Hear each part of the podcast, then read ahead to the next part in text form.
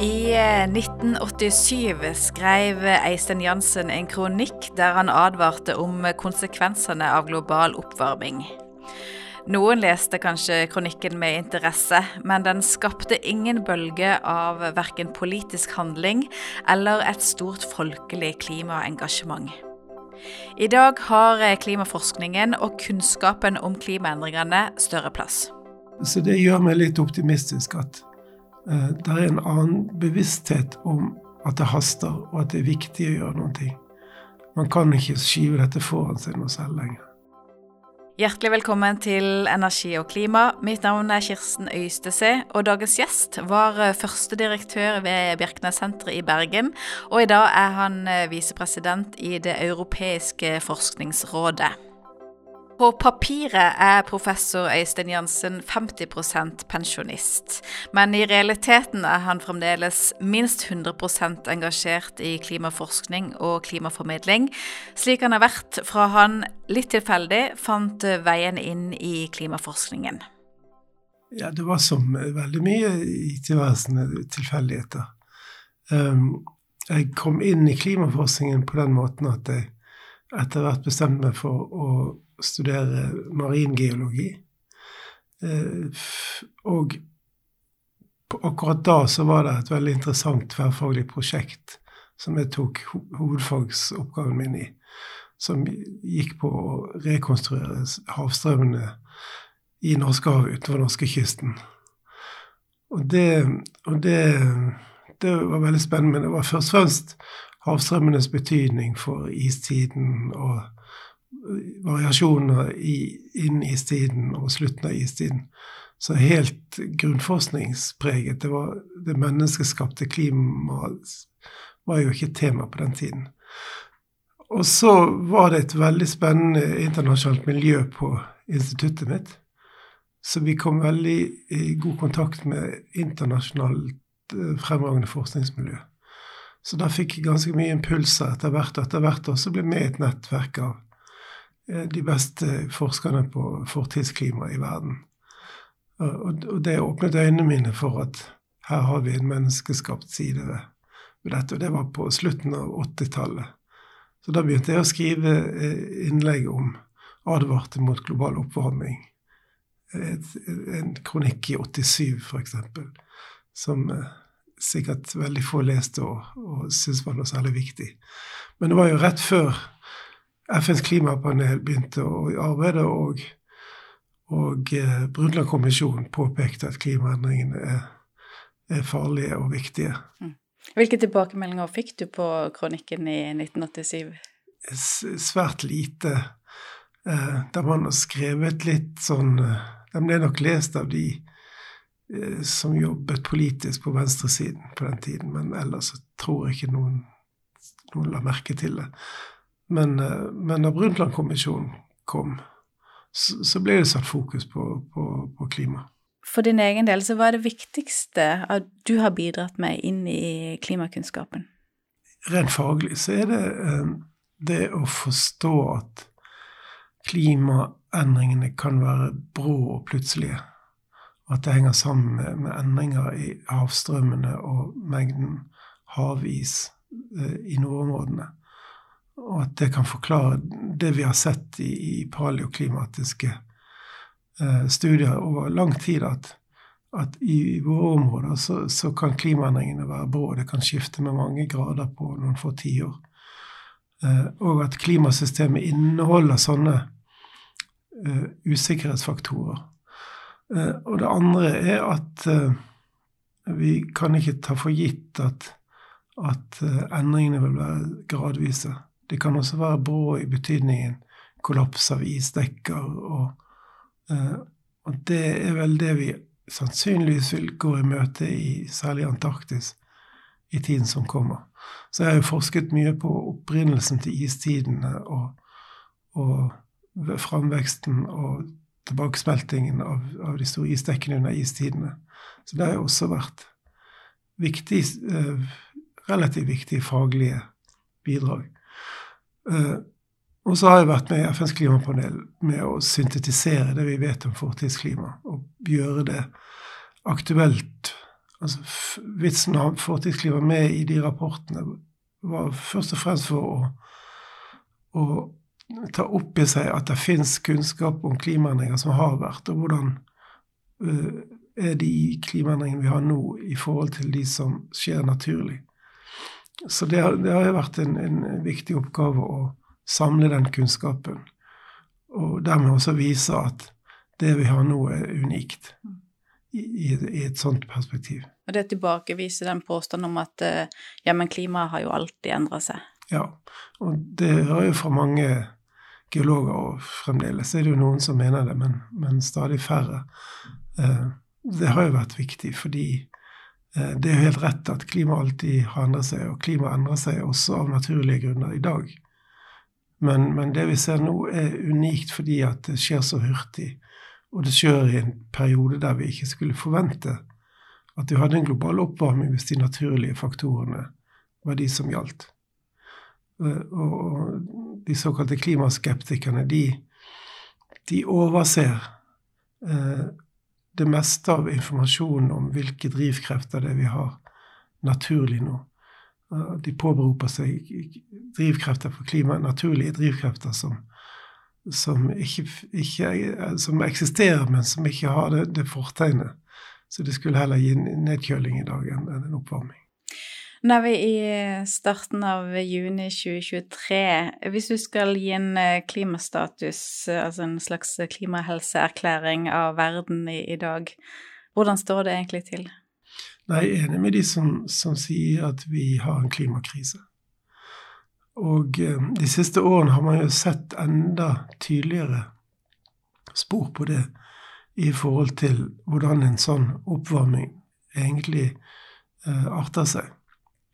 Da tenker jeg på, på hetebølger, skogbrann, mye mer eh, plutselige ekstremvær, nedbørshendelser som, er, som går langt utenpå det som man vanligvis har hatt, eller i hvert fall of, mye oftere.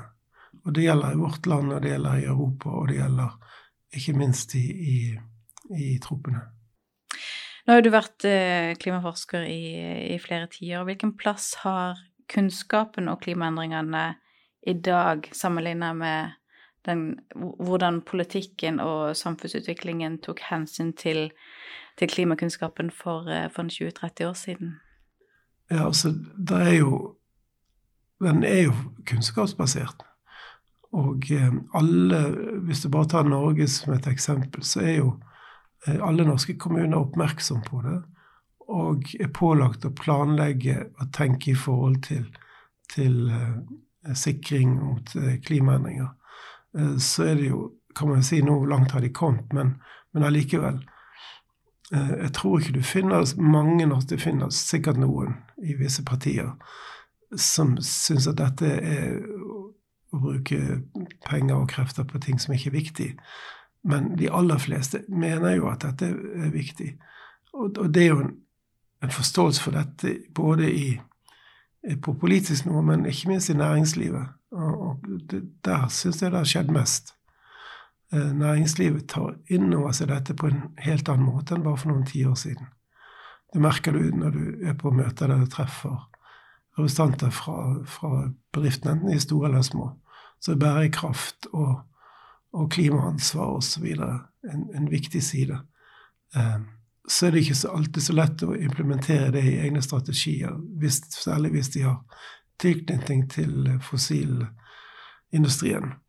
Men allikevel så er det et helt annet trykk nå, og det har kommet de siste ti årene eller noe sånt. Eh, så det, så det gjør meg litt optimistisk at eh, det er en annen bevissthet om at det haster, og at det er viktig å gjøre noe. Man kan ikke skyve dette foran seg noe selv lenger. Nå har eh, verden enes om at eh, vi skal begrense oppvarmingen til godt under to grader, helst ned mot 1,5. Og særlig dette 1,5-gradersmålet, det er jo blitt løfta som noe vi fremdeles styrer mot, og viktig å, å holde fast ved. Kan vi nå det? Jeg tror ikke vi kan nå det um, på Altså, jeg tror vi kommer til, til å få et, eh, det som på engelsk kalles overshoot. Vi kommer til å få høy, for for høye CO2-nivåer til at det kan nås. Men det kan nås ved at man henter tilbake CO2, sånn at man, man får en midlertidig eh, forsterkning, og så greier man å, å, få det ned igjen. Hvordan det skal gjøres, det er ikke så lett å si. Teknologiene er umodne i forhold til det. Og det er noe man på en måte må, må overlate til de neste generasjonene å, å, finne ut av og finansiere og ta konsekvensen av. Um, men når det er sagt, så, så er jo enhver en tidsgrad mindre enn det, det, det verste scenarioet, er jo bedre. Så klarer ikke vi 1,5, så det er bedre med 1,7 enn 1,9 i forhold til virkningene på klimaet. Så, så, så, det å, å, si at oh, vi når ikke 1,5, og dermed så, så er alt feilslått, det blir også feil. Med den kunnskapen du har om eh, klimaendringene, eh, årsakene og konsekvensene av de, hva er du mest bekymra for hvis du ser en 10, 20 eller 30 år frem? Nei, jeg er bekymret for at vi at vi styrer mot en, en global oppvarming som ligger 2,5 til 3 grader.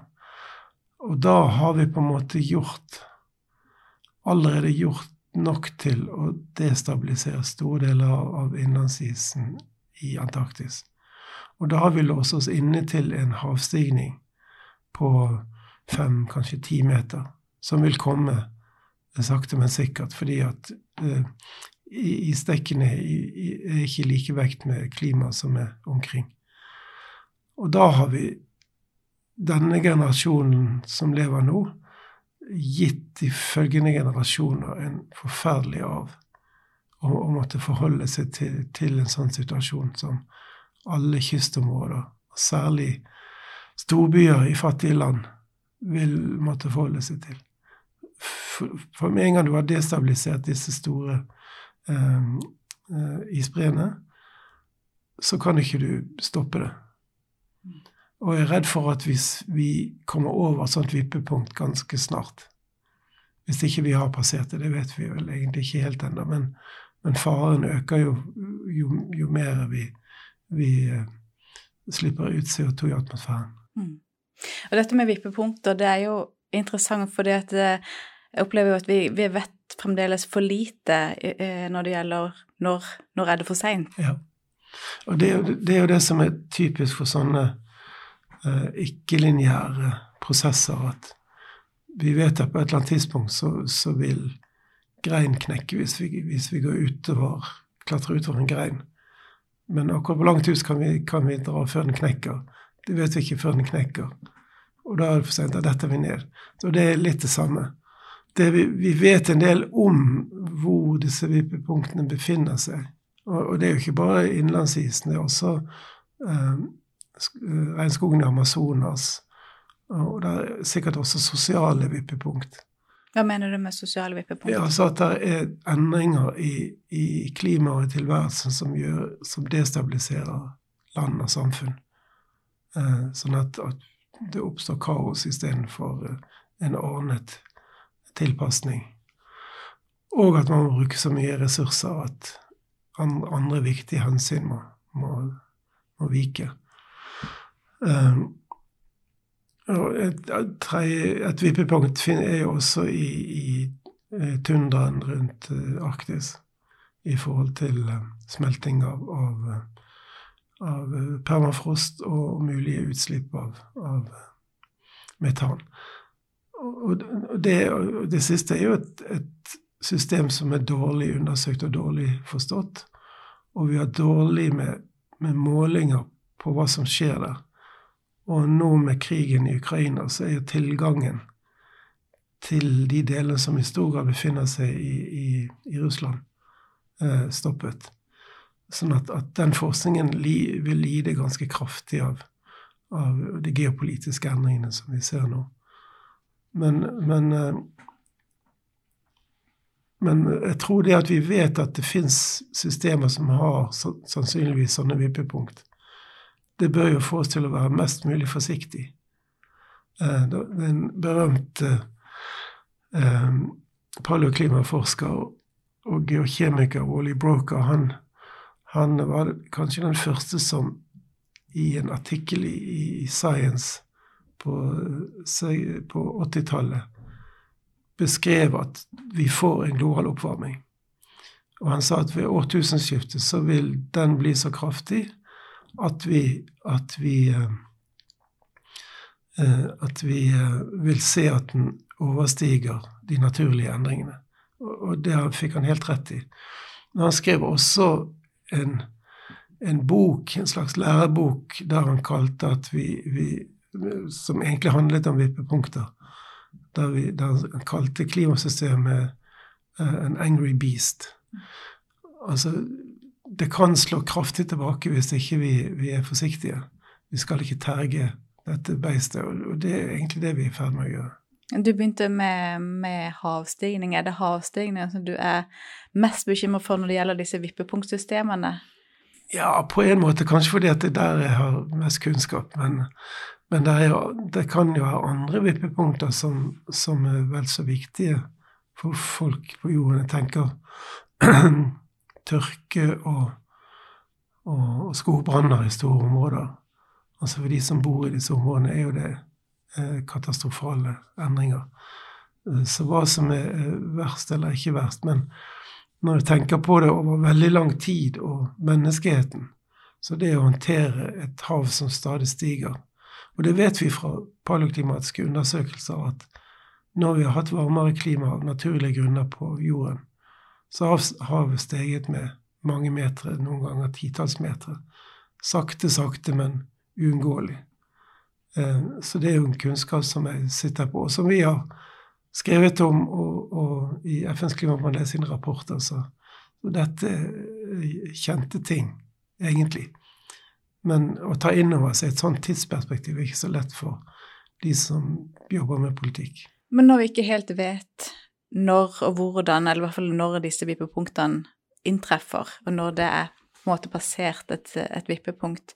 Hvor lang tid kan man anslå at man har, og, og ja, hvor god tid har vi? Jeg, jeg, mener at vi har veldig kort tid. Hva, hva er et kort tid? Da snakker vi om ti år. Um, det har jo allerede begynt å skje ganske alvorlige kollapser av noen av, av uh, de flytende brearmene fra Antarktis. Um, Sånn at vi ser jo hvilken mekanisme det er, og vi vet at havet som er på undersiden av disse, har varmet seg opp, som gjør at de, de smelter fra undersiden og blir lettere, og så mister de forankringen, og dermed så kan de kollapse. Og i de største av disse så ligger det mange titalls centimeter med, med havstigning. Eh, så spørsmålet er om, om dette betyr at vi har passert eller er på vippepunktet, eller, eller om vi kommer der om ikke så lenge. Det er vanskelig å si. Men jeg mener at hvis ikke vi får kontroll på, på den globale oppvarmingen i løpet av noen få tiår, og hvis ikke vi greier å holde oss under to grader, eh, så er det ganske sikkert at dette vil skje. Så, så togradersmålet blir jo satt bl.a. på bakgrunn av sånn kunnskap. Vi har jo mye kunnskap. Vi har egentlig nok kunnskap til å vite at vi må handle, at vi har dårlig tid. Men hva trenger vi likevel mer kunnskap om? Ja, Vi har jo nettopp vært inne på det med vippepunkter. Det, det, der, det å studere de, mange som finnes, og det, det er artikler som liksom lister opp og peker på mange muligheter, det, det er en viktig forskning så er det viktig å, å forstå en god del av prosessene i klimasystemet. Eh, F.eks. alt som er knyttet til skyer, eh, vann i atmosfæren. Og Det henger sammen med usikkerheten i hvor fort klimaendringene vil skje hvis vi slipper ut så og så mye. Men, men også om eh, dette med, med ekstremnedbør og flommer og sånne ting. Eh, der, der, har vi for dårlig kunnskap og for dårlige redskaper til å, å forutsi når og, og hvordan, hvordan, det skjer. Eh, fordi at dette er ting som skjer veldig, i, i, veldig liten skala. Altså det er små områder og i klimamodellene, selv om de er blitt mye mer nøyaktige og, og uh, har flere prosesser i seg og, og, kan simulere innenfor kortere distanser, så er det ganske mye som gjenstår. Fordi at vi har ikke kraftig nok regnemaskiner til å, til å gjøre det. Uh, og så er det en god del med havet vi ikke vet ennå. Både når det gjelder uh, havets uh, opptak og, og, transport av CO2. Havet tar jo opp over en fjerdedel av utslippene våre. Hva vil skje i fremtiden i et varmere hav? det ser ut til at havet vil ta opp mindre. Men der ligger jo også en, en, en stor fare for at at vi, vi, får en kraftigere oppvarming fordi at eh, havets tjeneste til menneskeheten blir, blir, mindre. da. Og tilsvarende med, med, skog på land. Så det er en god del ting det må forskes videre på, eh, som ikke vi vet nok om. Men vi vet definitivt nok til å, å handle kraftig, og, og, og situasjonen er alvorlig. Er det noe som gir deg håp? Altså, jeg tror jo ikke ikke at vi unngår å få større problemer med klimaendringene enn, enn de vi har nå. Altså, det vil bli et stort problem og et økende problem for menneskeheten. Som, må, som må håndteres, og som vil kreve både ressurser og innsats, og, og sikkert også en god del skade. Uh, men det er et håp i det at uh, bevisstheten og, og, også behovet for å handle seg ut til å, å bli større uh, blant unge folk. Men også i næringslivet, som blir en viktig del av løsningen. Så det er et visst håp om at dette også skal bety at det er aksept for eh, mer drastiske tiltak enn, det vi har vært i stand til nå. Aksepten er den større i dag enn for en 20-30 år siden? Ja, det tror jeg. Uh, og det er mer konkret hva som må gjøres. Så, så handlelisten i forhold til hva som må, må, må skje, er jo, er jo, lagt frem. Eh, I hvert fall i vårt land, og sikkert også i andre land. Det er jo også kommet i mange land lovverk som skal, skal pålegge myndighetene å ta grep om klimautviklingen. Det gir jo også en viss mulighet for å, å, å, å backe opp om, om, behovet for tiltak. Og i en del land så har jo regjeringa tapt uh, i, i, rettsvesenet. Jeg tror ikke det er den egentlige veien ut av det, men, men det sier litt om, om problemene. Og, og, man kan ikke se bort fra at den norske staten med sine store inntekter fra, fra eh, salg av, av, fossile brensler vil bli stilt til ansvar fra land og, og folk som rammes av klimaendringene andre steder. Mm. Nei, vi er jo dratt inn i noen rettssaker ja. som, som, ikke er avgjort ennå. Ja. Hvordan har eh, klimaforskningen og kunnskapen om eh, menneskene sin skyld i klimaproblemet endra seg de ti årene som du har vært en del av eh, fagmiljøet? Det har jo endret seg mye. Og vi hadde vel kanskje ikke snakket om en klimakrise hadde ikke det vært for klimaforskningen. Så det var viktig, og relativt tidlig så forsto jo toneangivende politikere at dette kom til å bli en utfordring. Hvem tenker du på da? Nei, Gro Harlem Brundtland er en, og rådgiverne rundt henne, men også eh, i den amerikanske kongressen var det høringer med ledende klimaforskere. så som han hadde på radaren. Og i det skjulte hadde jo Exxon allerede gjort sine egne undersøkelser og visste hva dette gikk i, uten å, å, si det til noen. Så dette var jo kunnskap som var begynt å, komme frem. Men også eh, folk som Margaret Thatcher var, skjønte dette. Hun har naturvitenskapelig bakgrunn, så det var sikkert ikke så vanskelig for henne å forstå det og etter hvert Angela Merkel, altså toneangivende politikere på verdensscenen, har skjønt problemstillingen, men jeg har vært eh, veldig dårlig til å, å gjøre noe med det. Og eh, hva er grunnen til det, da? Jeg tror det er en svakhet hos politikere til å altså være redd for å ta grep. Altså en, det politiske systemet er jo basert på gjenvalg hvert fjerde år. Og det begrenser jo både mulighetene og, og viljen til å ta risiko. Men jeg tror at hvis verdens politikere på en annen måte hadde stått sammen og sagt at dette må vi faktisk gjøre, vi kommer til å, å stå i en krise. Og så var det jo Selvfølgelig har det jo vært eh, motstemmer. Men de eh, de har aldri vært så sterke, bortsett kanskje var i, i kort, en kort periode amerikanske kongressen, at de burde ha, ha stoppet eh, handlinger.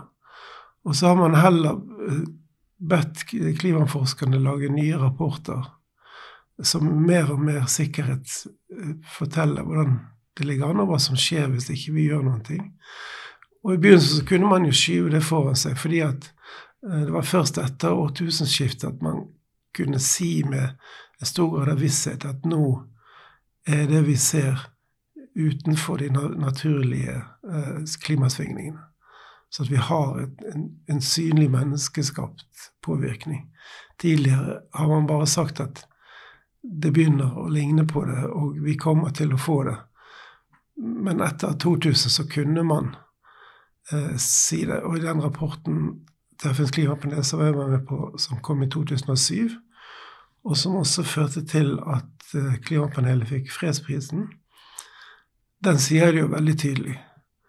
Så etter den rapporten så er det jo ingen grunn til ikke å, å, å gå veldig kraftig til verks for å få ned utslippene. Men det har man ikke vært i stand til, verken i Norge eller noen andre land. Og det er litt det politiske systemet som, eh, som feiler? Ja, og politikernes mot og evne til å, å, å tenke langsiktig. Og, og det henger sammen med det politiske systemet, men også hva slags politikere vi har. Og, og tror jeg Jeg tror hvis man hadde hatt en annen type politiker som hadde sagt dette med tydelighet og, og gått til valg på at dette står og faller jeg på, så er det kanskje mer skjedd, både i vårt land og i andre. Men kunne dere som har hatt kunnskapen lengst, gjort noe annerledes? Det kunne vi sikkert. Jeg tror kanskje vi har vært for diplomatiske i, en stund. Men, men, du skal også som forsker eh, forholde deg til forskningsresultater, og det skal være kunnskapsbasert. Og, og, og, den rollen om å være aktivist passer ikke egentlig så godt for forskere. Det er noen forskere som har bevisst sagt at nå, nå, nå er jeg blitt aktivist. Men, men, hvis du skal forske frem kunnskap, så, så må du stå i, i denne rollen. Og det er vanskelig å dele seg i flere. Og det, det har, vært politikken på Bjerknessenteret òg, at vi, vi, skal levere kunnskap, men vi skal ikke, eh, vi skal ikke lage politikk. Det er en annen rolle. Og det, det tror jeg egentlig står seg i det lange løp. Men, eh, men, vi har jo blitt mer og mer tydelige på hva konsekvensen vil bli om man ikke endrer politikken. Så det er ikke sånn at ikke vi kommer med, med utsagn som er spisset nok til at man forstår hva som skjer. Men, men min rolle har ikke vært å si at dette må politikerne gjøre, og dette må, må inn i partiprogrammene osv det må de finne ut av sjøl, men vi har, vi har, levert, etter min mening, nok kunnskap til at de burde ha gjort mer. Men du, du fylte jo 70 i år. Ja. Skal du skal ikke gi det? Nei. Eh, vanligvis så blir jo, blir jo professorer pensjonister når de er 70, hvis ikke de gjør det før. Og det ville nok jeg også vært når jeg fikk eh, dette tillitsvervet i, i Det europeiske forskningsrådet. Uh, og der ville jeg sittet som medlem i styret, altså det som kalles Scientific Council. Men noen av medlemmene i Scientific Council ble da visepresidenter. Og, og, så ble jeg spurt om å være det.